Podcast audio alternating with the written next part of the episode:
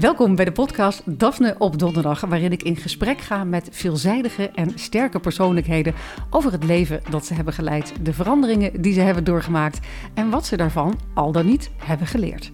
Hoe kan het dat steeds meer vrouwen te veel alcohol drinken? Hoe sluipt dat erin? En wat kunnen we daaraan doen? Waarom heeft Nederland zoveel succesvolle gehandicapte topsporters die gouden medailles winnen? En waarom kennen we hun namen niet? En hoe voelt het om midden in een succesvolle carrière op je 35ste opeens prinses te worden en opnieuw je richting te moeten bepalen? De komende weken ga je het allemaal horen in de nieuwe afleveringen van Daphne op donderdag. Welkom bij de podcast Daphne op donderdag. Ik ben Daphne Dekkers en vandaag is bij mij te gast een vrouw die al meer dan 30 jaar viool speelt in het Concertgebouworkest. Haar naam staat daar dan ook letterlijk in het marmer gebeiteld. Maar ze houdt ook van kamermuziek, is concertmeester van de Ebony Band en is ook nog eens een heel getalenteerde lyrische sopraan. Muziek is voor haar meer dan werk. Muziek gaat bij mij vaak zo diep, zegt ze, dat de tranen in mijn ogen springen. Welkom in mijn schrijfhuisje, Marleen Asberg. Dankjewel, Daphne. Wat leuk dat je er bent. Nou, zo gezellig. Ik zat te denken van wie had dat kunnen denken dat wij nou, bijna 50 jaar geleden samen op de kleuterschool zaten. Echt. En nu zitten we hier. Het is 50 jaar geleden. Het is 50 jaar geleden. Het is gewoon 50 jaar ja, geleden. Nee. het is niet bijna 50 jaar Nee, geleden. het is gewoon bijna Jij bent ook ruim 55, 50. toch? Ja. Ik ben 55. 55. Ja. Oh, ik lig nog een paar maanden achter. een maar- stuk jonger Ja, een stuk jonger. Ja, maanden. ja, want Ja. eh, even voor de luisteraars. Wij kennen elkaar al heel erg lang. Ja. Wij eh, woonden vlak bij elkaar in Nijmegen. Om de hoek bij elkaar. Om ja. de hoek, ja. Het ging samen naar de kleuterschool, samen naar de lagere school. Ja. En toen op de middelbare school zijn we elkaar eigenlijk een beetje uit het oog verloren. Ja, jij kwam in een andere klas. Ik had een andere klas, ja, en zo gaat dat dan Zo opeens. gaat het. Dus eh, maar een paar jaar geleden, eigenlijk de social media, eh, kreeg ik opeens een berichtje. Van Ja, hem. jij schreef iets van eh, hoe ouder ik word, hoe meer ik terug verlang of denk aan dingen van vroeger. Ja, dat is zo. En met volgens mij een fotootje erbij van een oude plek waar wij wel eens... Nou ja, in ieder geval dacht ik, ja, maar nu ga ik even reageren. Ja, En ik had namelijk precies hetzelfde. Eh, gek is dat als je een beetje zo dat ja. melancholieke krijgt, hè? Als je ouder wordt, dat je gaat terugdenken aan vroeger. ja, Zo hè? oud zijn we nog helemaal, nou ja, een halve eeuw is toch wel... Volgens mij klopt het eh, psychologisch helemaal hoor. We zitten wel op de goede, goede lijn. Het is is het goed normaal. spoor, toch? Het is, is we normaal. zitten op de, ja, we zitten er niet naast. Maar volgens mij is het ook heel gezond. Ja, natuurlijk. Dat je, dat je gaat terugdenken waar je vandaan bent gekomen en de, de weg die je hebt afgelegd en waar je nog heen wil. Ik denk dat het altijd goed is om te onthouden waar je vandaan bent gekomen. dat Ja, het ook maar- richting geeft aan je leven. Absoluut, maar ook het waar, de waarde zien van hoe fijn, tenminste ik het heb gehad vroeger in mijn jeugd en dan ook met jou. En ik weet natuurlijk helemaal niet hoe jij daar tegenaan kijkt, maar... Ja, daar wil ik het nog heel even Ja, over hebben. ja. Nee, Nee, ik heb nog zoveel foto's. Ik heb zo'n foto uit onze kindertijd. Dat we. Want wij waren echt een soort setje completje. ja, wij liepen altijd samen. ingearmd eh naar school. Ja, Echt als een stelletje. Ja, ik heb ook allemaal carnavalsfoto's nog van Ja. ons. En dat we een groentetuintje zijn begonnen achter in onze tuin. Jouw niet lang vader die eh, begeleidde ons met eh, ons tuintje, waar een hele mooie kabouter in stond ook. Ik weet niet of er ooit iets gegroeid heeft, maar we namen het Ik weet wel dat ik een keer thuis kwam en heel trots zei tegen mijn ouders... ik heb zaadjes van de va- vader van Daphne gekregen. Dat ze wel eventjes achter hun oren eh, krapte. Maar het was van een hele mooie plant. Als in potgrondzaadjes? Waarschijnlijk- ja, natuurlijk wist ik veel. Ik was vijf of zo. Maar het was ja, voor mij ook heel bijzonder... dat je vader altijd zo met ons dan dat tuintje ging doen. En mijn ouders waren helemaal niet zo... eh, van- jouw vader was huisarts. Mijn vader was huisarts. Ja. En, eh, Nee, mijn vader was altijd bezig met, eh, met de natuur. Met ja, graven in de grond en dingen Ja. aanwijzen. En dan gingen we naar het bos en dan zei hij... dat zijn de paddenstoelen waar de kaboutertjes wonen. Precies, ja. En die, als je eikels op de grond vallen, dan valt er zo'n dopje van af. En zei, Ja. dit zijn de alpino-petjes van de kabouters. En nou, waar veel Heerlijk. alpino-petjes liggen, dan weet je, daar wonen ze. Nou, ik, oh, ik, was, mijn vader was echt mijn held. Die kon zo Ja. mooi eh, vertellen. Nou, voor mij ook. En eh, die, die kabouter die we hadden, die leefde ook echt voor mij. Tenminste, ging ook echt regelmatig kijken hoe die erbij stond. hoe die erbij zo. stond. Oh, zo leuk. En door jou Mm. ehm, ben ik bij het kerkkoor gegaan. Ja, Want jij wilde het kerkkoor, Ja. dus wilde ik ook in het kerkkoor. Ja. En eh, nou, mijn zangcarrière is daar gelijk gestopt. Ik heb nog meegedaan aan de Maas Singer, maar dat was dan ongeveer. Maar jouw Oh. zangcarrière gaan we het straks nog even over hebben. Je bent tot, tot grote hoogte gestegen. Nou ja. Ik, weet je dat ik nog veel van die kerkliedjes weet? Ja, ik ook. Ik weet je, dat, soms dan hoor ik een paar van die woorden en denk ik, oh, dat heb ik ook nog gezongen. Dat eh, eh, eh, uren, dagen, maanden, jaren vliegen Ja. als een schaduw heen. Ja, ook al die teksten nog gewoon. Die rollen er zo uit. Ja, die rollen zo. Wacht even. Ehm, ehm, eh, ach, wij vinden waar wij staren niets bestendigs hier beneden. Dat zijn toch geen teksten Die voor kinderen om kwijt. te zingen? Nee. Zo deprimerend voor Ja. kinderen Nou, eigenlijk. wij wisten toch dat het helemaal niet dat deprimerend bedoeld was. ik vond het gewoon leuk. En eh, eh, die, die repetities waren leuk. Ja. Lekker zingen. En er zaten een paar leuke jongens in. Die gewoon het lekker spannend, weet je. En, en jij zat erin en mijn zusjes zaten erin. En dan na zo'n eh, repetitie gingen we altijd voetballen op het kerkplein. was heel erg leuk. En we hadden uitjes. Dan gingen we naar Wanrooy of zoiets. Nee, ik weet niet meer. De Glamour City of Wanrooy. Ik, nou, of naar zo'n, zo'n, zo'n, nou ja, goed, zo'n pretparkachtig. Het was echt eh, sociaal heel eh, belangrijk voor mij.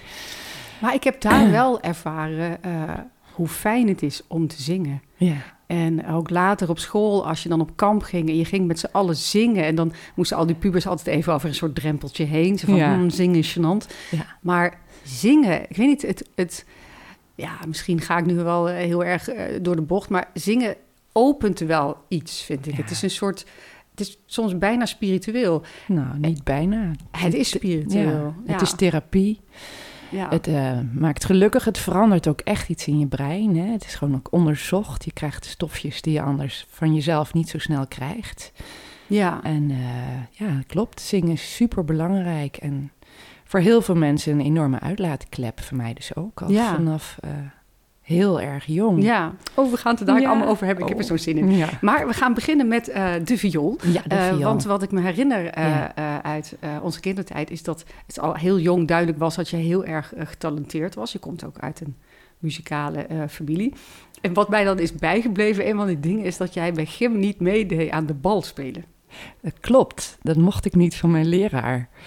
Want eh, ik deed dus eigenlijk gewoon wel. Want ik heb later nog een keer mijn pink gekneusd. Eh, maar misschien in die tijd op de basisschool was ik nog zo braaf dat ik het inderdaad niet deed.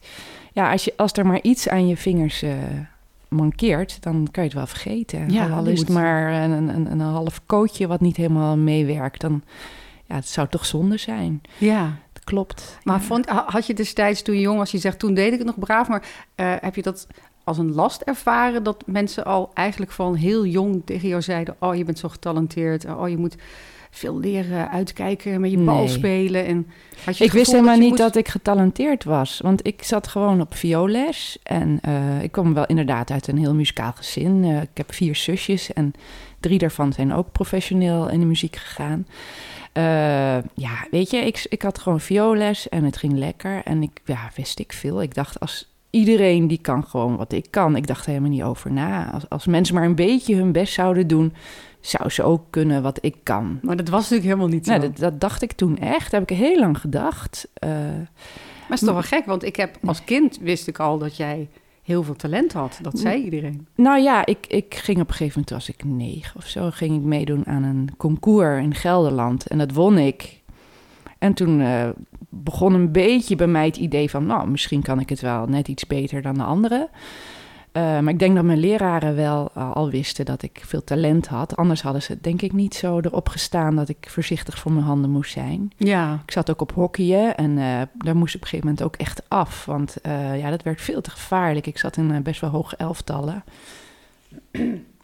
En ik moest ze van die dikke cricket ha- handschoenen aan op een gegeven moment... waarmee ik mijn hockeystick bijna niet meer kon vasthouden. Dus eh, toen ben ik alleen nog maar eh, gaan tennissen. Dat was niet zo heel gevaarlijk voor mijn, voor mijn handen. Maar ja, ik, ik realiseerde me dat eigenlijk helemaal niet zo... dat ik getalenteerd was. En, ja, Misschien is het maar beter. Anders Ja. dan zet het ook zo'n druk op je van... De... Ja, ik, ik, ik, nou ja, op een gegeven moment wist ik wel van, nou goed, ik ben hier waarschijnlijk wel beter in dan de gemiddelde. En, maar ik wilde ook helemaal niet bijzonder gevonden worden. Ik heb ook echt jarenlang verzwegen dat ik viool speelde. Want jij wist, jij stond heel dicht bij mij, maar volgens mij wist de hele klas niet dat ik viool speelde. Behalve dan dat je niet met de bal spelen meedeed. Ja, ja. dat is al. Ik weet wel dat er een keer een, een muziekleraar in de klas kwam, of een lerares in, op de basisschool. En die had een viool. En die wilde ons kennis laten maken met een viool. En toen zei ze, speelt iemand viool? En toen heb ik volgens mij een, eh, een, een weet ik veel, een heel moeilijk stuk van uh, Bach of zo gespeeld. En dat, en dat toen iedereen... Maar ja, ik dacht van, ja, nee, ik speel viool, dus ja, jij vraagt het. maar ik vond het ook eigenlijk helemaal niet zo leuk dat ik dan... Uh, dat dat moest laten zien. Nou, dat ik dan bijzonder werd gevonden. Of ja, voor mij was het toch hetzelfde zijn. Ik wilde zo graag normaal en ja, ja. gewoon. Ja, voor ik was natuurlijk heel normaal. Laat het gewoon even Ja, maar dat, dat hele wonderkind stempel, dat, dat, daar zit echt helemaal niemand op te wachten volgens mij. Nou, ik niet. Ik, uh, nee. op, middel, op de middelbare school heb ik het echt wel een beetje verzwegen zelfs. Dat ik uh, één keer in de twee weken naar Amsterdam reisde voor, uh, voor een violes. En ja, ik, ik vond het, ik wilde gewoon normaal. Zoals uh, alle andere meisjes en jongens. Nou, gisteravond uh, ben ik met een vriendin uh, naar jou gaan kijken. Ja. Naar een optreden van jou met het Concertgebouw Orkest. we zijn naar een Schubert's negende symfonie geweest, de grote symfonie. Ja. dat concert um, is onderdeel van de Essentials ja. van het Concertgebouw Orkest. misschien kun je even vertellen wat dat is, de Essentials? Ja, dat zijn concerten die hebben geen pauze. En die hebben zeg maar een stuk wat bij het ijzeren repertoire hoort, dan zeg maar met bij de grote stukken voor orkesten. Het ijzeren repertoire, dat zo heet dat, ja. ja. ja. En uh, dat wordt op een hele uh, goede en een humoristische manier, vind ik, ingeleid. Ja. Uh, en met het verhaal, het achtergrond, de achtergronden erbij. Want dat vond ik wel leuk. Dat was ja. een soort Belgische presentator was Ja. erbij. Ik kende die, die man verder niet, maar Nee. hij was heel geestig. Ja, Ja. En dan, eh, ik, ben- ik ben zelf echt heel gevoelig voor verhalen. ja, Voor verhalen die ergens aan vastzitten of bijhoren. En hij vertelde dan van tevoren eigenlijk over toch wat tragische leven van, eh, van Schubert. En de totstandkoming van deze grote symfonie. En ja. dat vond ik eigenlijk wel eh, bijzonder om te horen. Ook omdat hij zei dat Schubert zelf dit nooit uitgevoerd heeft gehoord. Ja, dat klopt. En eh, eigenlijk, weet je, als je zoiets instudeert en, en uitvoert, dan ga je nooit zo heel diep eh, je, ja, in op de achtergronden van het stuk. Maar het is ook voor mij weer, wordt het toch weer anders. Ja. Ik wist het natuurlijk wel, maar het zat niet voor in mijn gedachten van, oh, hij heeft dit stuk nooit gehoord. Maar eh, als zoiets dan nog een keer wordt eh, geïntroduceerd en verteld, dan, ja, dan krijg je toch een beetje een ander gevoel bij. Ja, dat vond ik ook stuk. hoor. Ja. Dat, dat ten eerste werd het grappig gebracht, terwijl het ook wel iets heel tragisch had natuurlijk. Ehm, maar terwijl je aan het luisteren bent, eh, dan, dan, tenminste bij mij boort het dan ook wel een diepere laag aan. Dat ik denk, jeetje, deze man is zo vroeg gestorven op zijn 31ste al. En hij, ongelooflijk. hij is eigenlijk pas na zijn dood zo groot geworden. Ja. Dit stuk heeft tien jaar in een laag gelegen. Ja, Omdat dacht, "Poh, dat is wel een heel ingewikkeld stuk om te spelen. Volgens mij hadden jullie als violen heel veel te doen hier. Ja, het is een heel zwaar stuk. Echt, het is een uur lang eh enorme Rammen. rammen. bijna. Ja, ja echt. Ja. Ja. ja, het is echt zwaar. Ja, Wat ik wel heel eh, bijzonder vond om te zien ook, ehm, is ehm, als je naar zo'n orkest kijkt, vind ik het altijd een soort levend organisme. Het beweegt en het gaat heen en weer. Het is bijna zo'n zeeanemoon. Ik vind dan ook de violen allemaal, die gaan allemaal naar links en naar rechts. En heel veel violisten bewegen. ja. Bij het spelen zie je al die stokken, die zie je naar links en naar Ja. rechts gaan. En dat maakt ook altijd zoveel indruk op mij. Klopt. En dat is natuurlijk ook eh, gelijk het hele moeilijke van orkestspelen. Eh, eh, ik zit dan met eh, zeg maar 16 eerste violen. Soms is het 12, soms is het 18, soms zijn het er maar vier. Gisteren waren het geloof ik 16. Zitten we allemaal dezelfde noten te spelen en de stokken moeten allemaal dezelfde kant op. Want als je stok de andere kant op strijkt dan je buurman, dan kan je dus niet die schwung voelen die gewoon bedoeld is Ja. voor zo'n groep. En ja, de kunst is eigenlijk eh, om met zo'n hele groep één melodie of één eh, passage als één organisme Ja. te, te brengen. het is bijna synchroon zwemmen wat jullie doen. Eigenlijk wel. Eigenlijk wel. En dat, dat vergt zoveel voelsprieten. En weet je, vaak dan als ik speel, dan eh, luister ik niet eens naar mezelf, wat ik eh, speel, maar dan naar mijn omgeving, met mijn buren en wie er achter en voor me zitten en eh, wat de houtblazers doen. En al die groepen in het orkest, die moeten dus eh, onderling als één stem klinken. Maar zo'n orkest samen, dat ja, het is natuurlijk ook de taak van een dirigent. Het moet golven. Het moet inderdaad. Ja, maar dat doet het ook. Ja, het als golft echt ja. de zaal in. En, Ja. en het beweegt en het leeft. En, eh, en ik zat de hele tijd maar te denken: die arme Soepert, die heeft dit nooit gehoord. Hij heeft het nooit gehoord. Toch is het eigenlijk wel heel bijzonder dat je 200 jaar geleden heeft hij het geschreven, denk ik. Dat je dat allemaal kan schrijven in je hoofd. Ja.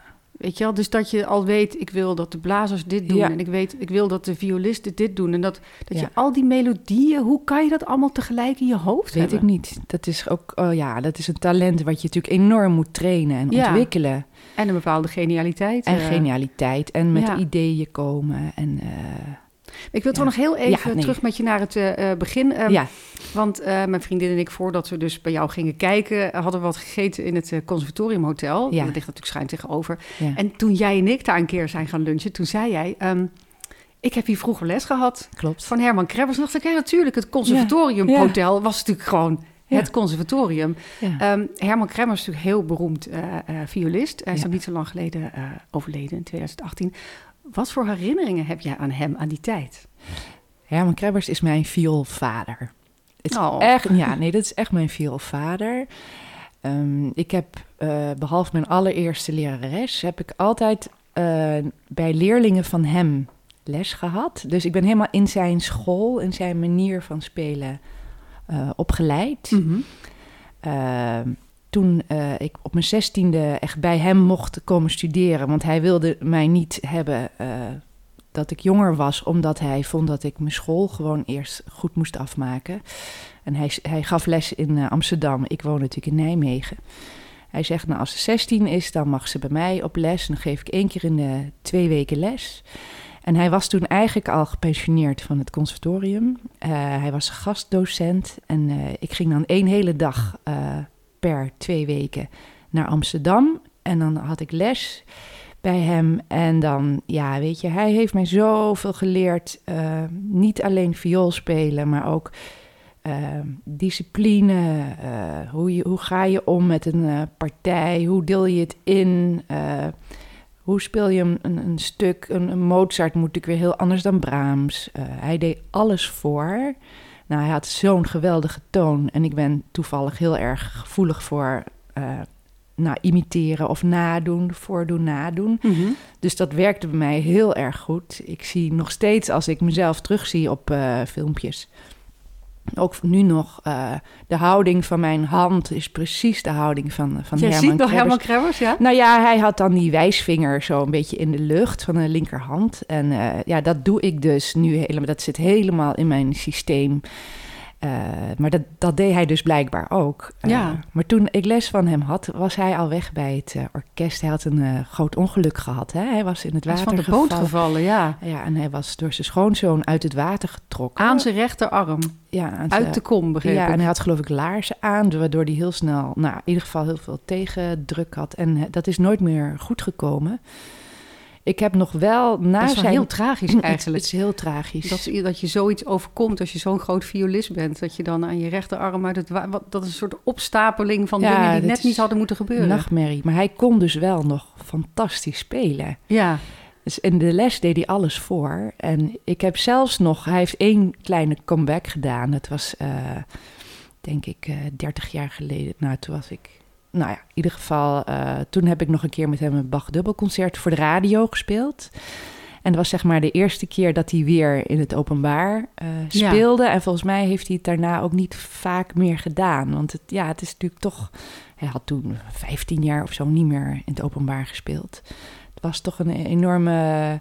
Ja, dat, je, je speelt niet zomaar weer eventjes. eh, Nee, dat kan me top, eh, voorstellen. Ik heb natuurlijk wel wat dingen over hem eh, gelezen voordat jij kwam. Want ik weet natuurlijk niet zo heel veel van Herman Krebbers. Maar Nee. ehm, wat ik las is dat hij een volmaakte stokbeheersing had. En als niet-kenner ben ik dan altijd benieuwd... wanneer iemand een volmaakte stokbeheersing heeft. Heb jij een volmaakte stokbeheersing? Nou, vast niet volmaakt. Maar hij heeft mij wel heel erg bewust gemaakt dat de... Kijk, een stok is best wel een, een, een- Ik weet niet hoe lang zou die zijn? 70 centimeter? Dat is best wel een ding, zag ik Ja. gisteren ook. Als je ze allemaal zo uit ziet steken in dat eh, orkest. En Ja. allemaal dezelfde kant op. Wel Ja. indrukwekkend. Ja, dus eh, hoe jij met de stok over de snaren gaat... eh, bepaalt eigenlijk... je toon. Dus de stok is eigenlijk misschien nog wel belangrijker dan een viool. En vooral hoe je met de stok de viool beroert, zeg maar. Ja. Het is de adem van het instrument. En, eh, Er komt ook wel een hoop emotie bij kijken. hè? Echt Ja. wel eh, alles wat je, wat je erin stopt. Het is niet, het is je hebt een viool, je hebt een stok, je hebt een violist. Het is een soort samenspel. precies. En daar moet je natuurlijk wel een technische basis voor hebben. Want als je, nou ja, als je iemand die een maand vioolles heeft, een eh, eh, eh hoort doen, dan is dat, dan is er wel een emotie. Viool maar- kan maar- best, wel, best wel zwaar op je oor klinken, vind ik. Als iemand niet Nou, helemaal precies weet wat hij aan het doen is. Dat is ook wel een van de redenen dat ik eh, niet graag les geef. Eh, ik geef wel, ik coach wel eens mensen die zeg maar al heel ver zijn, maar ik, het kan echt afschuwelijk klinken. Oh ja? Ja, toch? Nou, ik heb ooit een golfleraar gehad. Eh, ik heb ook blauwe maanden ge- gegolfd en een eh, GVB gehaald en dat soort dingen. En ik vind golfen wel heel erg leuk, maar ik heb een Ja. beetje last van mijn handen. En dan eh, een beetje artrose in mijn handen. En dan is dat zwaar om Ja, die stok ik. vast te houden. Ja. En die golfleraar zei dat hij het bijna niet meer aankon om les te geven. Omdat hij zoveel slechte Ja. swings zag. En Ja. zoveel afzwaaiers Ja. en zoveel slechte technieken. Hij zei, ik verleer bijna zelf hoe het moet. Klopt. Is dat ook als je les geeft aan mensen die het niet zo goed kunnen? Nou, nou weet je, eh, ik geef dus nu helemaal geen les aan beginners. Dat heb ik natuurlijk wel moeten doen voor mijn conservatoriumopleiding. En dat vond ik op zich leuk. Maar ik kan dus echt in één krimpen als ik eh, iemand slecht hoor viool spelen. En viool klinkt al heel snel vrij slecht. Het is natuurlijk niet de piano waar je gewoon een toets in slaat. En dat er dan, maakt niet uit of je het nog nooit gedaan hebt. Nee, je komt jij er- zelf bepaalt de toon. Dus, Precies. it better En- be good. ja, you better be good. En, eh, maar ja, het klinkt echt afgrijzelijk vaak. En het moet, eh, de, de techniek moet er zijn dat er dus een goede klank komt. En ja, als je zo ver bent dat, dat je die beheersing een beetje hebt, dan kan je inderdaad alles van je, je. Het is gewoon je stem eigenlijk. Mm. Je viool is je stem en alles wat je te zeggen hebt met muziek. eh, kan je in zo'n instrument stoppen. En ja, het is echt een verlengde van je, wat er in je zit. Van je persoonlijkheid, ja. Van je persoonlijkheid. Jij bent ehm cum laude afgestudeerd. Eh, je hebt behoorlijk wat prijzen gewonnen. En je bent toen in 1991 aangenomen bij het eh, Concertgebouw Orkest. Is het belangrijk in de klassieke wereld dat je concoursen wint? Mm, ja.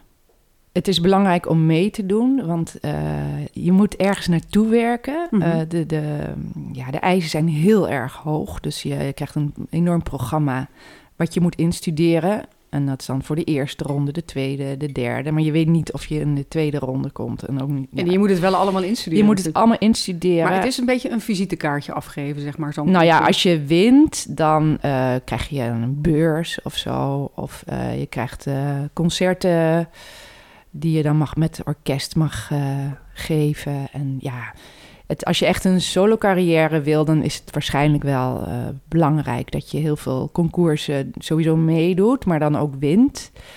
Maar een concours winnen eh, heeft niet zo heel veel te maken met een eh, orkestauditie winnen. Dat is toch echt iets heel Ja. anders. Ja. Ben jij, ben jij een solo-artiest? Ik heb heel veel solistisch opgetreden. En daar ben ik natuurlijk ook eh, voor opgeleid, zoals alle eh, violisten van het conservatorium. Je bent natuurlijk bezig om alle grote solostukken te doen. Ik wist eerlijk gezegd niet eh, dat het zo fijn was om in een orkest te spelen tijdens mijn studie. En ik ben er min of meer toevallig ja, ingekomen. En vanaf de eerste dag dat ik in het orkest zat, dacht ik van ja, maar dit, is het. ja, Ja. dit is zo fijn. Dus ik denk, ik je kan was wel. 22, hè? Was Ik je eigenlijk heel jong? Ja, ik was 22. Was je de jongste? Ja, ik ben heel lang de jongste geweest. En eh, ja, maar dat was voor mij helemaal niet zo, zo belangrijk. Ik moest ook nog eindexamen doen eh, op het conservatorium. Ja. En eh nou, Krebbers was natuurlijk heel erg blij dat ik in zijn orkest kwam. Maar ja, ik kwam er eigenlijk per ongeluk in, omdat ik, ja, ik dacht, ga een keer auditie doen, kijken hoe dat is, weet je. En dan kan ik daar naartoe werken. En, Je oefenen van auditie doen. En je zit Ja. in het concertgebouw. ja, orkest. en door. Ik, ik, dit orkest is natuurlijk heel beroemd. Hè? Het Ja. Concertgebouworkest heeft een heel hoog niveau. Eh, vergeef mijn onwetendheid hier een beetje over. Maar is, is er een internationale ranglijst van concert van orkesten? Ja, nou ja, ik vind het altijd een beetje moeilijk, want ja, kan ook niet zeggen wie is de mooiste vrouw van de wereld. Dat is gewoon ook smaakkwestie. Uh, we worden wel heel vaak bij de beste drie van de wereld. Bij Berlijn en Wenen. En, mm en, en, ons orkest dan worden. En we zijn een tijdje dan, uh, een tijdje geleden waren we uitgeroepen tot het beste orkest van de wereld. Maar weet je, mij zegt dat niet zo. We hebben een bepaalde speelstijl en ja, dat moet je ook maar aanspreken. Ja, en, uh, maar had je dan toen je daar werd aangenomen, had je het gevoel van, nou heb ik het gemaakt? Nee, Al die nou, of, of had je, nu begint het pas? Nou, heel eerlijk. Ik, uh, ik kwam in het orkest echt zonder enig, echt geen idee. En ik had net uh, toch concoursjes gewonnen. En weet je, ik dacht, nou, pff, ik ga gewoon meespelen. Hoe en, moeilijk kan het zijn? Hoe moeilijk kan het zijn? en waarschijnlijk ben ik heel erg goed. dat ik gewoon zo'n auditie win. een beetje overmoedig. en toen begon ik dus mijn allereerste repetitie. En ik snapte er helemaal niks van. En waar snapte je dan niks van? Hoe, hoe ik snapte niet hoe, hoe die mensen allemaal tegelijk die, die noten konden spelen. En, en hoe dat ritmisch zat. En hoe je dan met die dirigent. En jeetje, ingewikkeld. En uh, ik was binnen een, een, halve minuut van mijn uh, overmoedigheid af. Meteen van die berg afgevallen en terug in de realiteit. Uh, ja, en ik, ik realiseerde me ook... Kijk, ik kwam in, in, in een orkest wat ja, qua leeftijd qua vrij oud was. Hè. Dat, ja, dat, later is dat helemaal weer... Het gaat een beetje in golven ook. Hè. Nu is het, is het orkest weer redelijk jong. Tien jaar geleden was het heel jong. Maar toen ik 32 jaar geleden erin kwam... toen was het dus ja, vrij oud en ik realiseerde me niet dat al die spelers, die hebben gewoon ook allemaal concoursen gewonnen. En die zijn ook na hele zware auditieprocedures bij ons terechtgekomen. En niet alleen Nederlanders, maar ook, ook Hongaren, Japanners, Russen. Ja. ja, want het is wel leuk dat je eigenlijk altijd ja. de beste was en altijd het grote talent was. Maar dan zit je daar zo'n orkest en ik kan me voorstellen dat je dan om je heen kijkt en je denkt, deze mensen zijn allemaal hetzelfde als ik. Oh, Iedereen is ja. gewoon heel erg goed en dan begint het natuurlijk. Dat is zo fijn, Daphne. Dat is, ik, ik voelde me, daarom voelde ik me zo thuis. Ze spreken uh, dezelfde taal. Ja, we hebben dezelfde passie, uh, maar we hebben het ook over andere dingen, weet je. Maar je weet gewoon, je snapt elkaar en je, je spreekt die taal van de muziek. En voor mij maakt het dus echt helemaal niks uit uit welk land iemand komt. Want als. Het is universeel, je, de muziek natuurlijk. Het is universeel. Ik kan met mijn Japanse collegaatje, waar ik al 32 jaar heel vaak naast zit, uh, vaak beter communiceren dan. Uh, met, met een, een Nederlander uh, die, uh, weet ik veel, in dezelfde straat is opgegroeid. Nou, dan heb ik het niet over jou. nee, ik voel me ook helemaal nee, nee. aangesproken op het moment. Nee, maar om even aan te geven, dat, dat ja. ja. die, die, die verbindenis met de muziek, die is, is heel zo, sterk. Hè? Ja. Die is sterk en je, je begrijpt elkaar ook. Het gaat ook diep, gelijk. denk ik. Ja, ja. Um, je zit uh, inmiddels al meer dan 30 jaar ja. bij het Concertgebouw Orkest. Eigenlijk je hele professionele carrière. Zeker. Je voelt je daar dus heel erg thuis. Klopt. Ja. Ik kan er niks aan doen. Ik, ben, ik word er gewoon heel blij van. Het is echt. Het is ongelooflijk zwaar. Dat moet ik wel zeggen hoor. Ik ben nu ook een beetje moe van gisteravond nog. Maar goed, in ieder geval, uh, het gaat maar door. Het is een enorme machine. Ja. Die maar gewoon als een wervelwind het hele jaar doorstormt. Uh, iedere week een nieuw programma wat jij gisteravond hebt gehoord, dat spelen we morgen dan nog een keer met nog twee andere stukken erbij. Maar maandag moeten we weer twee hele andere stukken dus oefenen, oefenen, oefenen. kunnen spelen. Dus die moet ik vanmiddag nog gaan oefenen, weet je. En dan de week daarna moeten we weer. En het, dus ja, je kan je niet permitteren om eens even een dagje helemaal niks te doen. Nee. Dat vind ik wel echt wel steeds zwaarder worden. Maar het geeft zoveel ja, geluk. En, en, en ja, voor mij is muziek maken. ja, het is, het is fijn. En het is fijn om voor uh, zo'n goed publiek zoals wij hebben opgebouwd uh, te spelen. En ja, met de collega's, uh, goede dirigenten. En... Ja, over dirigenten. gisteren, de dirigent die is erg energiek, laat ik het zo zeggen. Ja. Die, uh, ik, ik, zag een interview met jou, een video uh, waarin je zei uh, dat een dirigent ehm, heel erg belangrijk is om het beste uit jou te halen. Dat vind ik wel interessant. Daar wil ik wel even verder over praten. Ehm, maar ik wil ook even vragen: je hebt natuurlijk in die 30 jaar heel veel dirigenten zien komen en gaan. En ik denk dan uh, als buitenstaander meteen aan die Daniele Gatti, Mhm. die in eh, 2018 werd ontslagen wegens eh, grensoverschrijdend eh, gedrag. Ehm, daar was ook binnen het orkest best wel veel over te doen. Ja. Voor en tegenstanders. En als jij dan al zo lang bij zo'n orkest bent, hoe is dat dan voor jou? Nou, wat ik vooral moeilijk vond, is dat eh, wat voorheen helemaal niet eh, werd beschouwd, zo van, eh, nou hier moeten we op letten, want die heeft het image dat die, weet ik, achter de vrouwtjes aan. En daar mocht je helemaal niet over hebben, want we zijn niet van de zedenpolitie en... Weet je, dat was echt niet eens zo heel lang geleden. Nee, dat al een beetje onder het tapijt geveegd ook. Ja, van ja, nou, zo is het nou eenmaal. En, En, zo zijn die mannen nou eenmaal. Ja, nou, dat was toen echt, hè. Dus niet eens zo lang geleden. Nee, zeker niet lang geleden. Nee. Maar dat dan opeens eh, dan de, door de maatschappij, dat, dat je je eigen leiding, of hè, dat die dan ook zegt van, maar dit accepteren we niet. En denk van, ja, maar dat is dus, Je hebt het heel lang wel geaccepteerd. waarom is het nu opeens eh, heel schandalig? Hè? En was het vroeger gewoon, eh, ja, eh, daar bemoeien we ons niet mee. Maar ja, er komt En dat is eigenlijk dat je die streep moet trekken. Ja, en daar heb ik eigenlijk meeste moeite mee gehad. Dat, dat je opeens zo door ik krijg van ja, nee, maar de, eh, weet je, eh, dit is onacceptabel.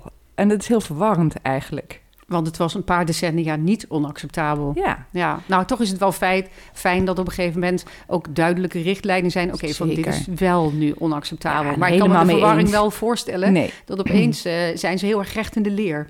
Ja, en maar eh, natuurlijk laten we gewoon even bij.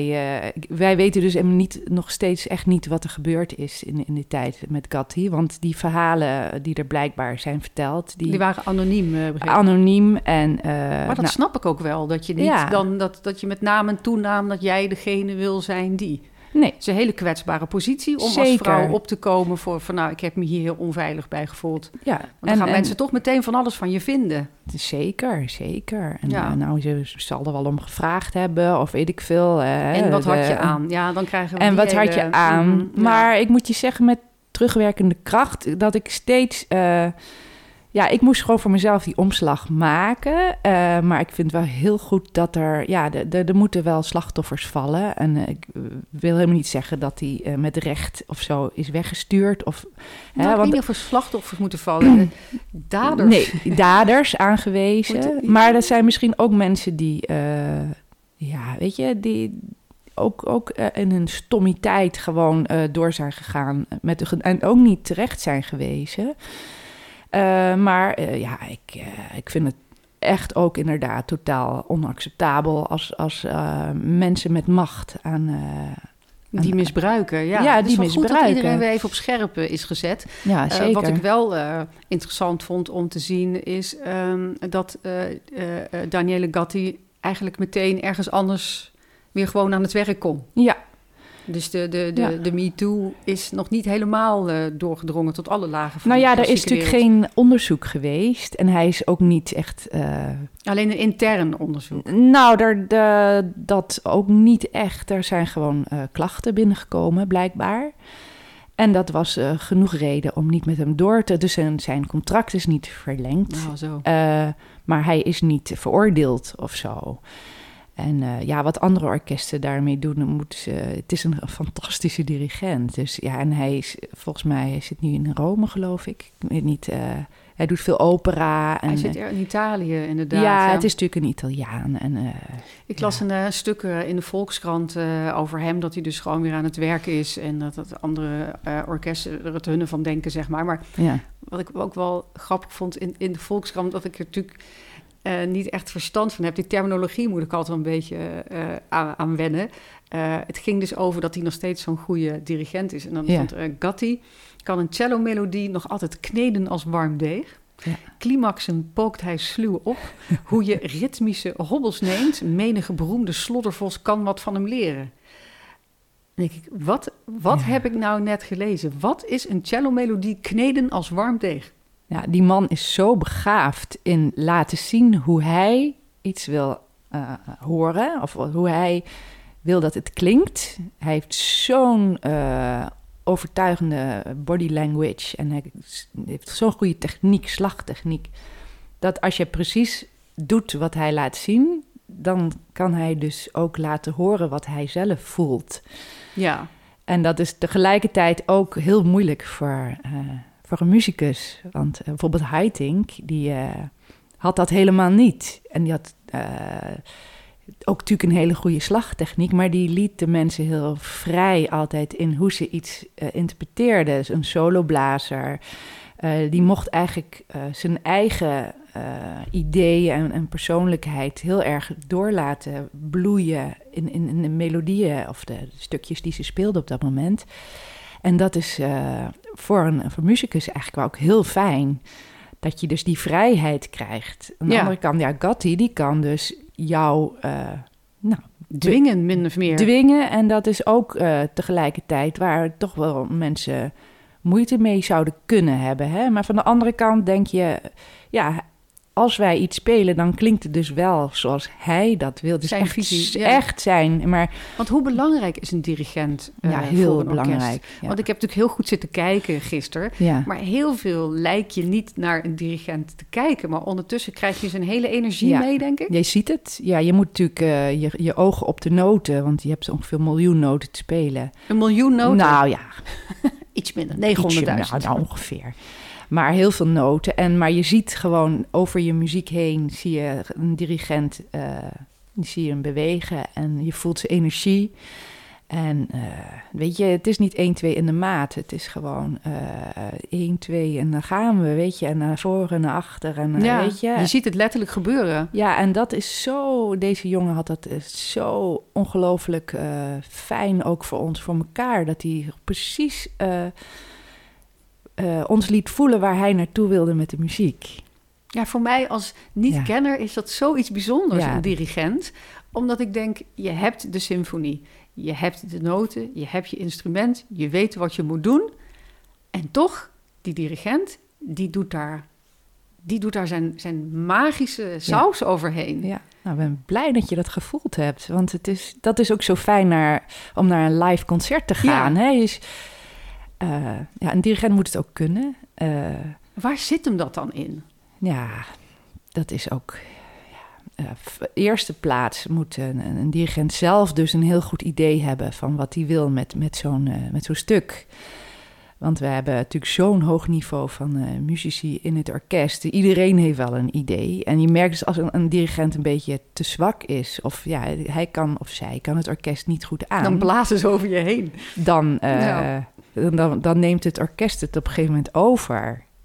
En uh, dat is voor een, voor een dirigent niet fijn. Maar ja, goed, dan past zo'n dirigent gewoon niet bij ons orkest. En als, het, als de muzici respect voelen voor een, een, een dirigent... en merk van, nou, zijn of haar ideeën spreken ons erg aan... en daar kunnen we iets mee... dan heb je aan ons orkest echt een, een hele goede... want dan gaan we er helemaal voor. En uh, ja... want zo iemand haalt dus ook echt gewoon het beste uit jou dan? Ja. Dat je zo geïnspireerd raakt door de dirigent. Ja, absoluut. Je kan een noot spelen, maar je kan hem ook anders spelen. Snap je? Je kan een, een, een loopje gewoon goed spelen, maar je kan hem ook fantastisch spelen.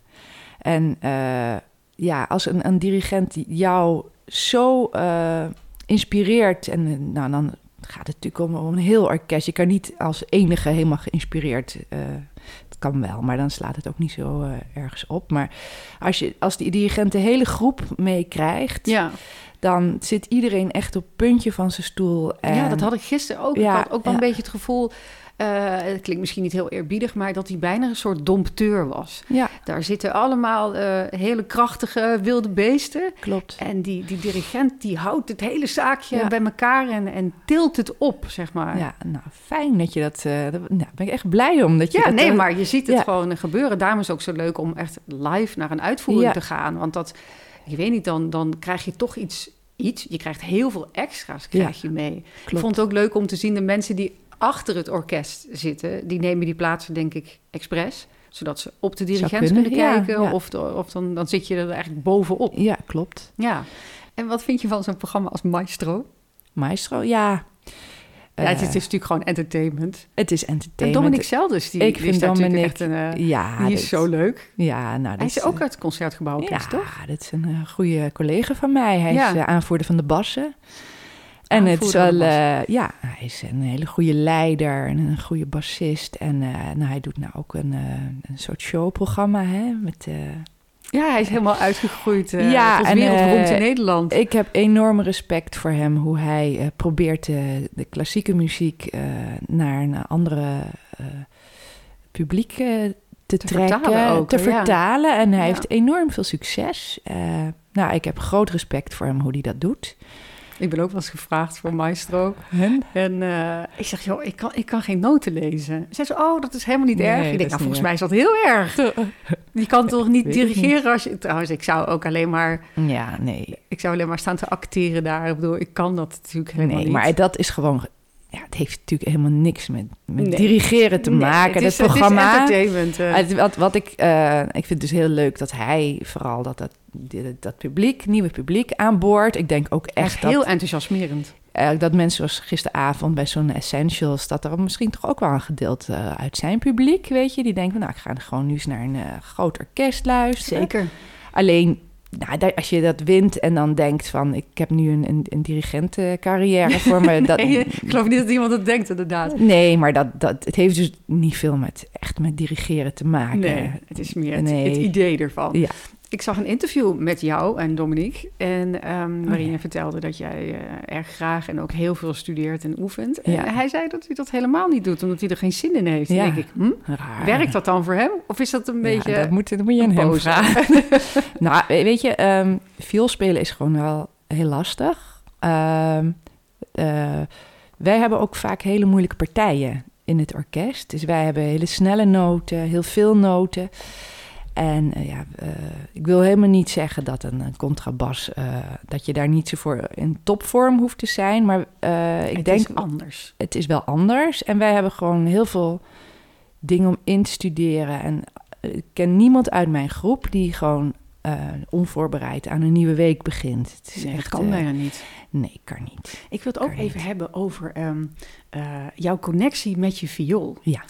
Ehm, want de, connectie tussen een violist en zijn of haar viool is behoorlijk intens eigenlijk. Klopt.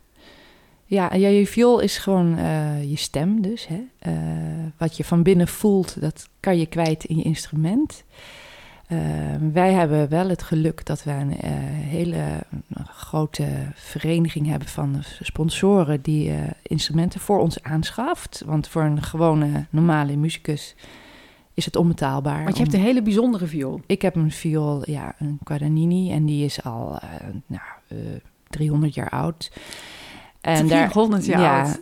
eh, nou, dit is gewoon een, het is een antiek eh, kunstwerk, maar ja, ik, ik ben er iedere dag uren en uren op aan het eh, zagen bijna. Nou, dat is natuurlijk niet zagen, maar wel met respect. Maar dit Maar wordt, hoe kan eh, zo'n ding het nog doen? nou, er wordt natuurlijk goed onderhouden ook. Mhm. En je moet natuurlijk precies weten hoe je zo'n instrument moet vastpakken. Niemand krijgt mijn, in, mijn eh, instrumenten in handen. Ik, Niemand mag jouw viool vasthouden. ik zou mijn instrument nooit, nooit aan jou geven van... eh, kijk maar even en eh, draai je maar even om. Beetje zoals vrouwen met hun pasgeboren baby. Die wil je ook niet zomaar aan iedereen. Nou ja, ja heel kwetsbaar. Ja. Super kwetsbaar. En, Dus niemand raakt jouw viool aan. Nee, behalve dan collega's die het ook weten. Maar weet je, nee, niemand mag aan mijn viool komen. En Nee. ik heb ook echt geleerd van, zo pak je hem vast.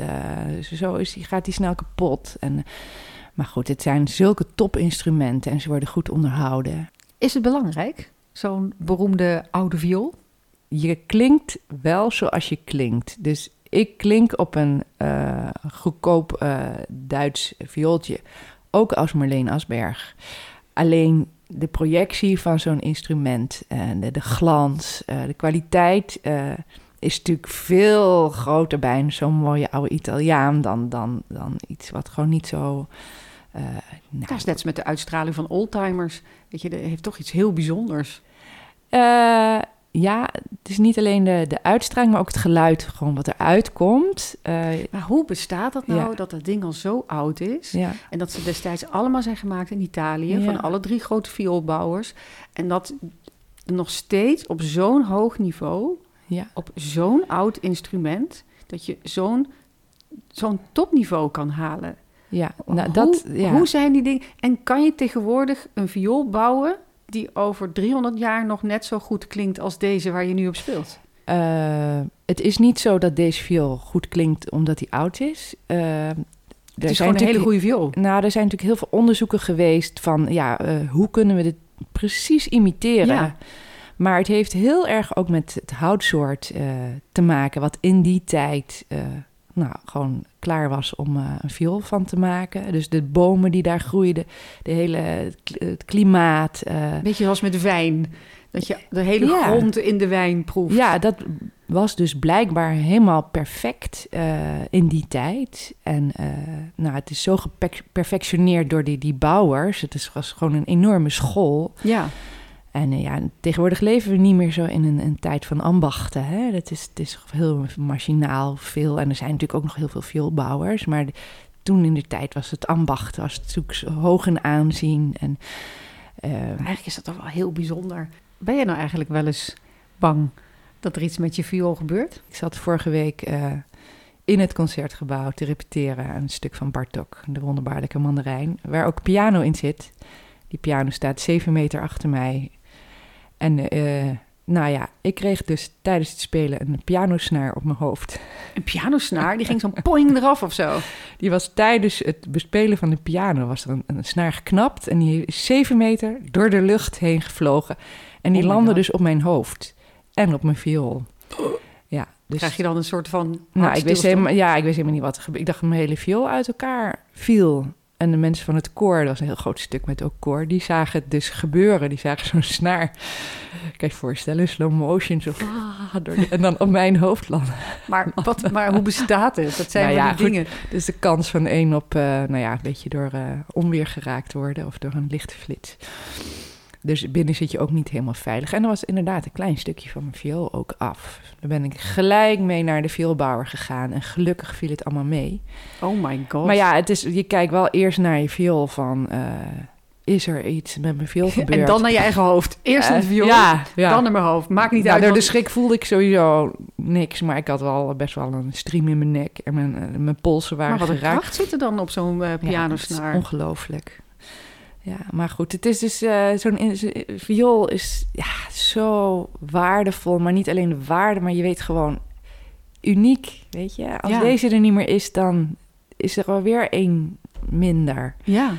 En eh, Ja. op deze viool hebben nog mensen voor mij in het orkest, die, zei, die zijn al lang het orkest, zijn al overleden. Die, zijn, die waren concertmeester vroeger bij ons en die hebben op die violen gespeeld. En daar speel ik nu op. Dus die Als- viool is ja. ook al, al eh, 50 jaar in het orkest. Zeg Zij maar. draagt ook nog een heel deel van de geschiedenis in zich. Als je daarop speelt, dan... Ja, er zijn solo's opgespeeld door concertmeesters in, in Amerika. Weet je, en ik geloof daar dus heel erg in dat al Ja. dat gevoel dat, daar, dat het daarin is getrokken. Dat het er gewoon in is blijven zitten in die viool. Ik, geloof heb, dat heel erg. Ook, eh, ik heb een keer een stuk geschreven, een tekst geschreven voor een. eh, nou, daar is iemand geweest die heeft een stuk voor mij gecomponeerd, viool spelen en zingen tegelijkertijd. En toen dacht ik van, nou, voordat die componist zelf een tekst eh, gaat zoeken, ga ik zelf een tekst schrijven. En eh, nou ja, ik heb dus mijn tekst gaat over mijn viool. En eh, dat ik me heel erg besef van alle liefde die ik daarin stop. En alle emoties en de warmte en die troost die ik krijg ook hè, van een instrument. Want Mhm. je krijgt zoveel terug. Daar moet ik straks afscheid van nemen. En eh, die gaan naar iemand anders. En eh, how many hands touched your body before? Ja, je kan het bijna ook menselijk maken. Maar weet je, de, eh, ik heb het toen in het Engels geschreven. Ik vraag me ook af, wie hebben jou allemaal al geliefkoosd? Of wie zijn er zo intiem met jou geweest voor mij? Ja, En eh, ja, dat is, dat, ja, het is gewoon een, een, je ziel, je, jezelf is het eigenlijk. jeetje, het ja. idee dat je er afstand van moet doen, is wel... Ja, het is net als een Voorlopig nog niet, zeg maar. Voorlopig nog niet. Nou ja, als ik uit het orkest moet, als ik 67 ben, gelukkig mag ik dan nog wel een paar jaar, maar dan moet ik hem wel weer inleveren. Bijna een soort amputatie. Ja, Maar ik heb wel het gevoel dat, dat die viool gaat dan door met Ja. alles wat er in de klankkast is opgeslagen. Net als dat die voor jou helemaal gevuld is met emotie, gaat die nu Ja. gevuld met jouw emotie ook weer door. Ja, wat dus echt, eh echt een feit is, en, en het is ook onbegrijpelijk, dat een viool gaat helemaal naar jouw eh, persoon staan. Ook toen ik deze viool kreeg, wilde ik hem eigenlijk, ik mocht hem uitproberen, want hij kwam vrij. Iemand anders kreeg een nog mooier instrument.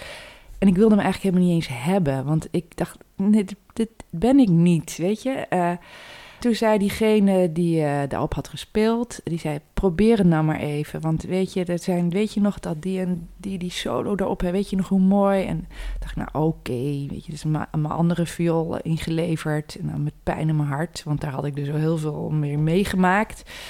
En toen ging ik dus op deze viool spelen. En ik dacht, oh nee, nee. Maar ja, het is wel een Guadagnini, dus het moet wel. En toen eigenlijk pas na een maand of twee, dacht ik, ha, nu voel ik het. Ik heb hem. Ik Ja. heb hem en, en, en hij of zij of die viool heeft mij. Het lijkt wel alsof viool leeft. Leeft ook. Of die moet ook, ook, die viool moet ook omschakelen natuurlijk. Ja, Van, die eh, wordt van, op een Dit is mijn ja. nieuwe baasje, Hoos even. Ja, die trilt dus op jouw manier zoals jij een viool laat trillen. Want Ja. de, de muziek is ja, trilling eigenlijk. Dus de manier waarop jij eh, de stok eroverheen, op je vingers, hoe jij die, je, je vibrato en je toonvorming, daar, daar moet een viool ook ja, helemaal zich naar zetten. En Kan je mij eens ehm, eh, meenemen naar eh, een dag in het leven van een professionele eh, violist? Wat, wat doe jij allemaal om al drie decennia op zo'n hoog niveau te kunnen spelen? Ja, nou ja, goed. We hebben eigenlijk iedere week hebben we een heel nieuw programma met een andere dirigent. Hè? Dus daar is, ik word wakker en ik ga eh, me voorbereiden op de repetitie. Die begint om half tien. En eh, nou, ik zorg dat ik er op tijd ben. Eh, ik zorg dat ik voorbereid ben. En dan hebben we een repetitie. Dus een dirigent gaat met ons een stuk wat we al duizend keer gedaan hebben. Of een stuk wat we nog nooit hebben gedaan. Of iets ertussenin. Eh nou, eh, repeteren en, en zijn eigen persoonlijke draai eraan geven. En Mhm. zorgen dat we alle goede noten, eh, dat we de, de, de goede kant op strijken. En dan repeteren we tot een uurtje of twee. En dan, eh, dan ga ik naar huis. En dan, nou ja, dan rust ik even uit. En dan, ik ga dan, maar dat geldt dus voor heel veel mensen niet. Ik ga dan vaak zingen, want ik, ik zing ook heel, heel graag. Ja, gaan we het zo meteen ook nog even over. En dan, eh, dan ga ik even mijn hoofd leegmaken met eh, van viool spelen. En maar dan, hoe hou je je vingers zo soepel? Ja, dat is echt training.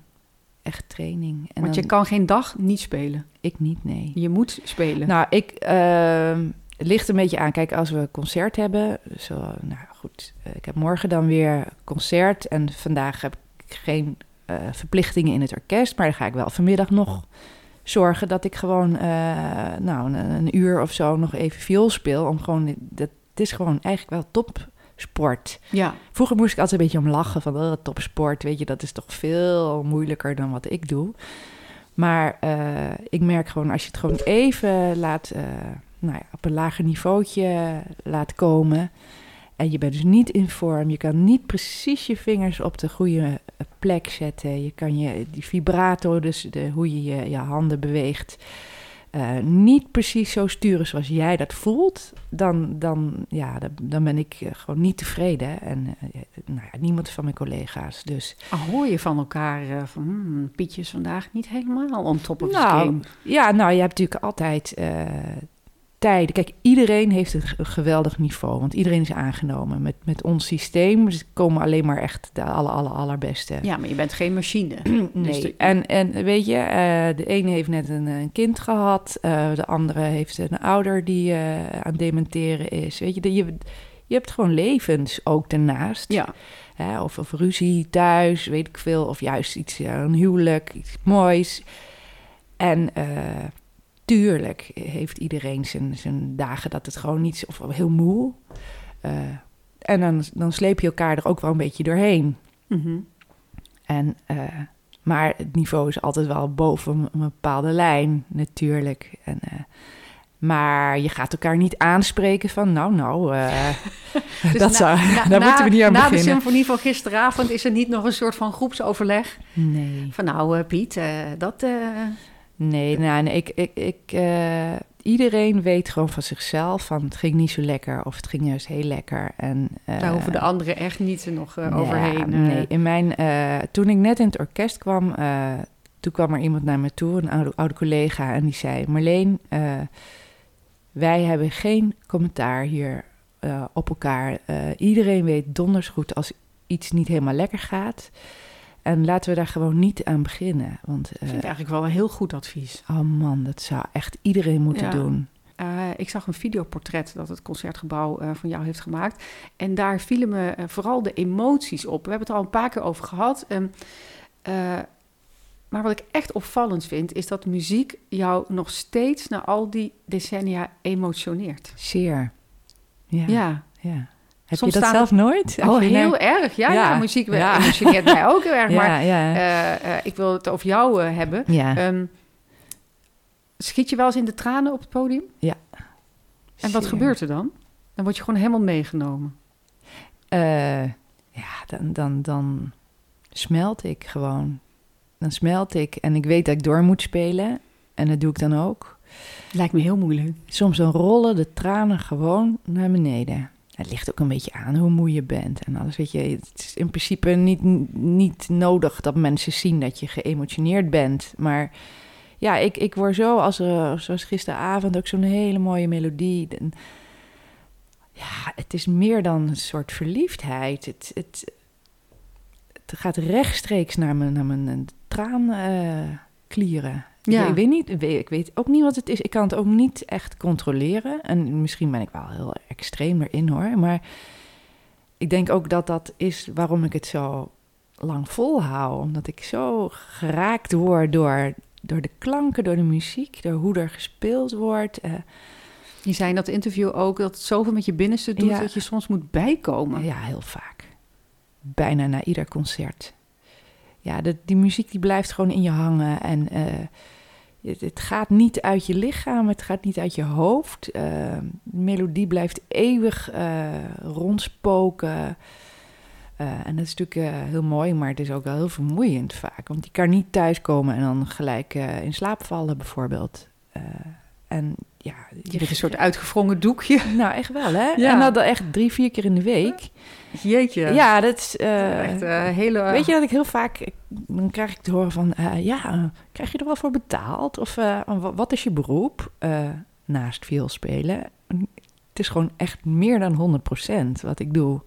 Ik bedoel, het, het, het studeren, performen... maar dan ook nog ja, de voorbereidingen en de emoties. Die De het gewoon- emoties, ja. Ik moet heel vaak huilen bij klassieke muziek. Ik weet niet wat het Oh, is. Bij de Nessum ja. Dorma. Ja, Ik weet niet, daar ga ik altijd van Ja. huilen. En het zijn ook altijd dezelfde tonen. ja, ik ook. Dan Heb begint iemand te zingen en ik, oh jee. Ja. dat is de Nessum. En dan weet ik al dat ik moet gaan huilen. Ja, Jij zingt ook. We hebben het eh, al een aantal keren, is al te sprake gekomen. Er is natuurlijk zoveel over de viool wat ik wilde weten. Je treedt ook op als, eh, als lyrische sopraan. Eh, en ook daarin ben je bijzonder getalenteerd. Eigenlijk ook als kind al. Eh, vertel eens hoe dat is gegaan. ja, ik zong altijd. eh, blijkbaar. Hè? Mijn moeder zegt altijd, nou, je zong al voordat je praatte. En met heel veel plezier. Alle Annie M.G. Schmid liedjes, altijd. In mijn bedje lag ik nog minstens een uur te zingen... voordat ik dacht, nu, nu ga ik maar eens slapen. Jij lag waarschijnlijk te schrijven ik was hele verhaal aan het schrijven in mijn hoofd. Want dat vind ik eigenlijk ook wel heel erg leuk. Ja. Dat jij vroeger altijd zei, ik wil later violist worden. Ja, En ik zei altijd, ik wil later boeken gaan schrijven. zo was En, het eh, toch Kijk eens echt? waar we zijn. We hebben het ook gewoon gedaan. ja, jij was echt altijd aan... En, en dat jij gewoon die hele mode-industrie... en bent ingegaan, had ik toen helemaal nooit kunnen... Maar Ja, jij helemaal niet. met je uiterlijk Nee, ik bezig. een heel jongensachtig meisje. En ik moest altijd jouw haar doen, weet ja, je toch? Het, eh, ja. Jullie hadden altijd altijd- van dat leuke ingevlochten haar Ja, en ik zo. kon Mijn moeder begon er allemaal niet aan. Ik had vier zusjes waar ik kapseltjes mee deed. En Marleen, kan je een kapseltje doen? Over die zussen van jou gesproken. Ja. Ik ging dus naar YouTube, Ja. eh, want ik wilde jou graag horen Ja. zingen. Ik denk, jeetje, wat een stem heb jij niet. Maar ik zou zeggen, kijk even op YouTube, type Marlene Asberg Ah. in en dan kom je jou tegen. Maar wie kwam ik ook tegen op YouTube? Eveline Asberg en, en Charlotte Asberg. En toen dacht ik, oh ja, je zussen zingen natuurlijk ook. Ja, klopt. Ja, ja de, de, de familie van mijn moeder vooral. Die, eh, dat, ja, die tantes van haar, die waren altijd aan het zingen. En cabaret en lachen en, en een humor en een lol met elkaar. En ja, dat hebben wij gewoon allemaal wel geërfd. En, en ik heb dus naast mijn vioolopleiding, toen ik al in het orkest zat, oeps, uh, mijn microfoon, maar uh, toen ik in het orkest zat, dacht ik van, ik ga nu toch maar weer eens even serieus zingen. Want ik had, had als kind, als 15-jarige of zo, heb ik een paar jaar les gehad van een uh, zangeres die mijn moeder les gaf. Mijn moeder zong ook heel veel, heel goed. Uh, die vrouw wilde eigenlijk dat ik uh, zou stoppen met viool spelen en door zou gaan met uh, zingen. Gelukkig heb ik dat niet gedaan, want nou ja, goed. ik heb alles op het vioolspelen aan het vioolspelen gegeven en daardoor natuurlijk die baan kunnen winnen. Maar toen ik eenmaal in het orkest zat, op hele jonge leeftijd, dacht ik, nou, is dit het nou? Nee, dit is het niet. Ik ga gewoon weer zingen. En toen heb ik heel serieus zangles genomen, echt ook een aantal jaren bij een hele goede docenten. En die zei op een gegeven moment, nou Marleen, uh, je moet maar eens auditie gaan doen voor opera's. Toen dacht ik, ja... Uh, nee, wacht, ho. Nou, hallo, ik heb een orkestbaan en nou, gelukkig was ik toen zwanger. Oh, toen kon je het daarop gooien. nou ja, ik heb toen uh, twee kinderen gekregen. Ik ben gestopt met zingen. Ik heb twintig jaar niet gezongen. Dat is onvoorstelbaar ja, als ik je nu zie zingen. Ja, ik heb... Want dat 20... is echt gewoon heel goed. Ah, dankjewel. Maar ik ben dus, nou, ik weet niet, een jaar of vijf, zes geleden weer eh, begonnen met, met lessen. En ik treed best wel vaak op, ook met collega's uit het orkest. En dan soms dan alleen maar als zangeres, maar soms ook als violist. En dan daarna als zangeres. En ja, ik, voor mij zingen en viool spelen, het is gewoon muziek maken. En ja, ik heb toevallig een goede stem. En uh, ik doe er heel veel aan om het uh, goed te ontwikkelen. Ik, uh, ik, ik, word gecoacht en ik oefen heel veel. Je neemt alles wel als heel serieus, hè? Ja. Het is niet zo dat je denkt, ik heb een talent, here we go. Je bent ook wel heel erg van het oefenen, ja. ontwikkelen, serieus nemen, blijven groeien, ja. bezig blijven. Ja, blijkbaar is dat dan toch wel hoe ik ben. Hè? Dat heb ik natuurlijk met viool spelen ook. Het is eigenlijk heel eenzijdig. Gewoon, je dus geeft alles aan zo'n viool. En je gaat niet toch daarnaast nog allerlei dingetjes... en je doet veel half. Dat, dat, dat, dat kan niet. Dat, dat heb nee. ik natuurlijk ook van meneer Krebbers geleerd. Van je gaat gewoon ervoor of je gaat er niet voor. En ik kan niet uh, zanglessen nemen en dan onvoorbereid uh, op mijn les komen. Dat vind ik, de, ja, zo, dat kan niet voor mij. Dat, zo zit ik niet in elkaar. En ik wil... Kijk, Heb jij nog eigenlijk vrije uren in je dag? Jawel. Ja. Netflix gaat ook wel eens aan hoor. En ik, uh, nou goed, nee. Maar ik, het is, voor mij is het gewoon ontspanning. En uh, ik voel me fijn als ik zeg maar beter word in iets. Als ik me ontwikkel. En uh, nou ja, dat zal jij ook hebben. Hè? Je bent ook het aan het studeren op nieuwe... Ja, je moet bezig blijven. Jezelf ja. blijven ontwikkelen en een nieuw genre proberen. Precies. En ander soort boeken lezen. En uh, ja, dat is iets wat, wat altijd aanstaat uh, in je hoofd. Ja, ja, dat heb ik precies zo. En uh, ja, dat geeft me gewoon heel veel voldoening. En, en zingen is ook een soort... Even in mijn eigen wereld, weet je. Is het bijna therapeutisch af en toe ja. zingen? Ja. Volgens mij is het ook heel, heel troostend. Ja. Zo. Zingen maakt zoveel los. Je, je kan tegenwoordig ook uh, veel vrouwen die in de overgang zijn of door de overgang heen zijn, die doen een soort van zangtherapie of Ja. stemtherapie om, Ja. om los te durven gooien. Nou, je, je opent je hart. En eh, ja, het klinkt allemaal heel zweverig, maar het is... Maar als het is je, gewoon zo. Het is wel Ja, zo. Ja. En muziek maken is sowieso heel fijn. En je gewoon je stem laten... Ik ben nu heel verkouden, zoals je wel hoort. Maar weet je, als je lekker zingt en eh, goed in je stem zit... dan doe je dat met je hele lichaam. Het is niet alleen maar die stembandjes een beetje laten trillen. Het gaat gewoon van je tenen tot aan je kruin... en zelfs ver daarboven, verder omheen. En het- ja, je doet zoveel met je moleculen of zo, denk ik. Of Ik krijg helemaal zin om zelf te gaan zingen. nou weet je ja, ik kan ook iedereen aanraden. Ga, ga bij een leuk koor of weet je, en, en neem wat lessen. Of zorg dat je je uit eh, Ja. op een of andere manier. En eh, ja, als je geen fijn eh, gevoel hebt bij zingen, dan ja, ga, ga gewoon eh, iets anders. Eh, Neem pianoles of gitaar. Iets maar, maar hoeveel mensen zingen wel niet in hun auto? Hè, dat ze in hun auto in de file Ja. staan en Ja. dan willen ze misschien in een groep zingen, maar gewoon het zingen onder de douche en het zingen in je Heerlijk, eigen toch? auto. Dat, Ja. ah, zeker als je van een hele drukke vergadering komt, het is gewoon lekker. Ja, het is therapie. Ja, Het is echt therapie. Ja, zonder dat je het door hebt, therapie eigenlijk. Nou, ik, ik, eh, als ik een tijdje niet kan zingen, als ik bijvoorbeeld op tournee ben met het orkest, Mhm. dan ja, ik ga niet op mijn hotelkamer mijn oefeningen allemaal zitten doen, want het- dat klinkt echt wel eh, tien kamers verder. maar dan, dan denk ik van, ah, wat mis ik nou? Wat is het ook alweer? En dan denk ik, oh, ik heb al gewoon tien dagen niet gezongen, weet je? Dus Van een uitlaatklep. ja, ja, alles komt er letterlijk uit. precies. Hoe belangrijk is eigenlijk muziekonderwijs voor jongeren en voor kinderen? Want ik heb het gevoel dat op heel veel scholen wordt het allemaal wegbezuinigd.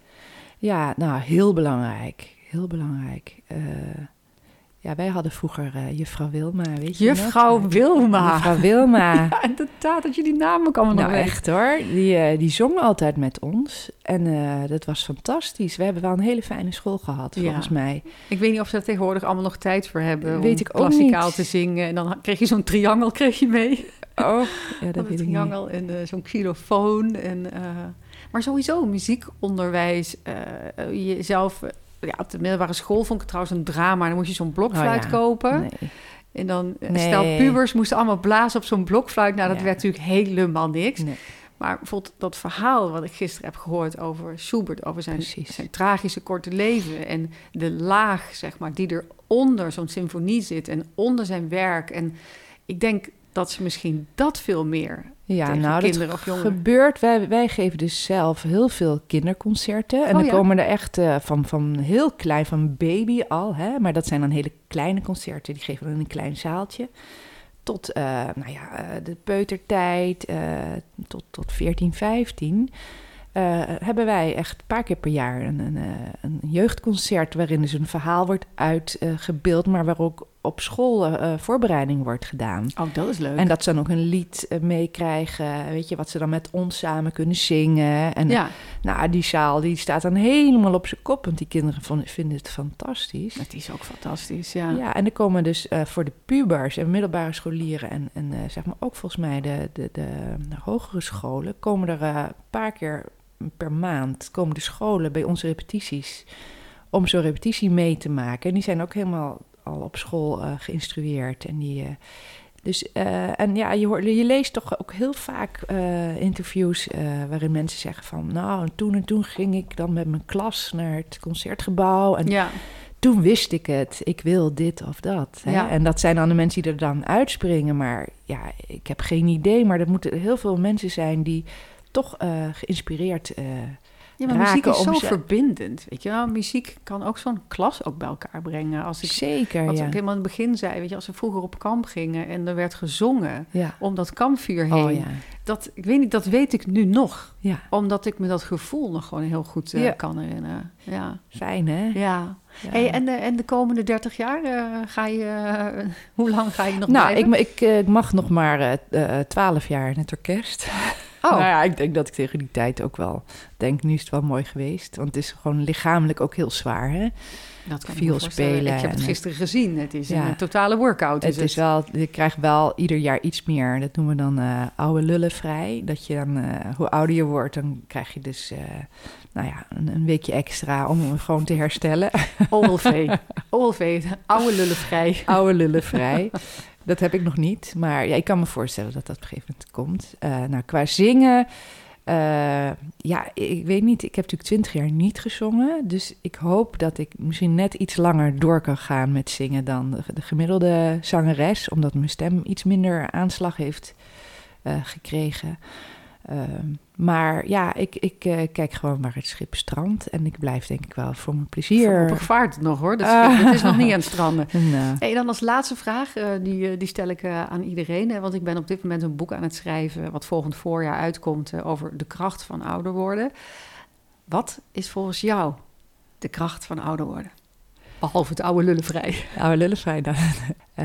Ik denk de, de wijsheid gewoon wel echt die je gewoon door je levenservaring ja, je hebt. En eh, de uitwerking van je gedrag op eh, kinderen, op, op je omgeving. Eh, ik probeer ook altijd, nou ja, het is misschien irritant, maar ik zit altijd vol goede raad bij jongere collega's met, met kleine kinderen die met hun handen in hun haar zitten van oh, oh, nou weer. En dan zeg ik, ja, maar zou je niet, weet je, dan, ja, Dus het is de wijsheid de wijsheid en de ervaring die je hebt gewoon. Ook in een orkest van zeg niet eh, tegen elkaar van eh, nou, eh, nou vandaag ging het slecht. Van, net zoals toen tegen mij is gesproken van hou het gewoon voor je. Iedereen weet gewoon zelf wel wat hij moet doen. En dat is ook wijsheid. Ook Ja. op het goede moment. En de balans moment- die je hebt gevonden in je Ja, leven ook. Ja. Zeker, zeker. Dankjewel. Heel graag gedaan. Je luisterde naar Dag op Donderdag in gesprek met violiste Marleen Asberg. Wil je haar eens zien spelen in het Concertgebouw Orkest? Of wil je meer weten over de Essentials concertreeks? Ga dan naar www.concertgebouworkest.nl voor alle data, kaartjes en informatie.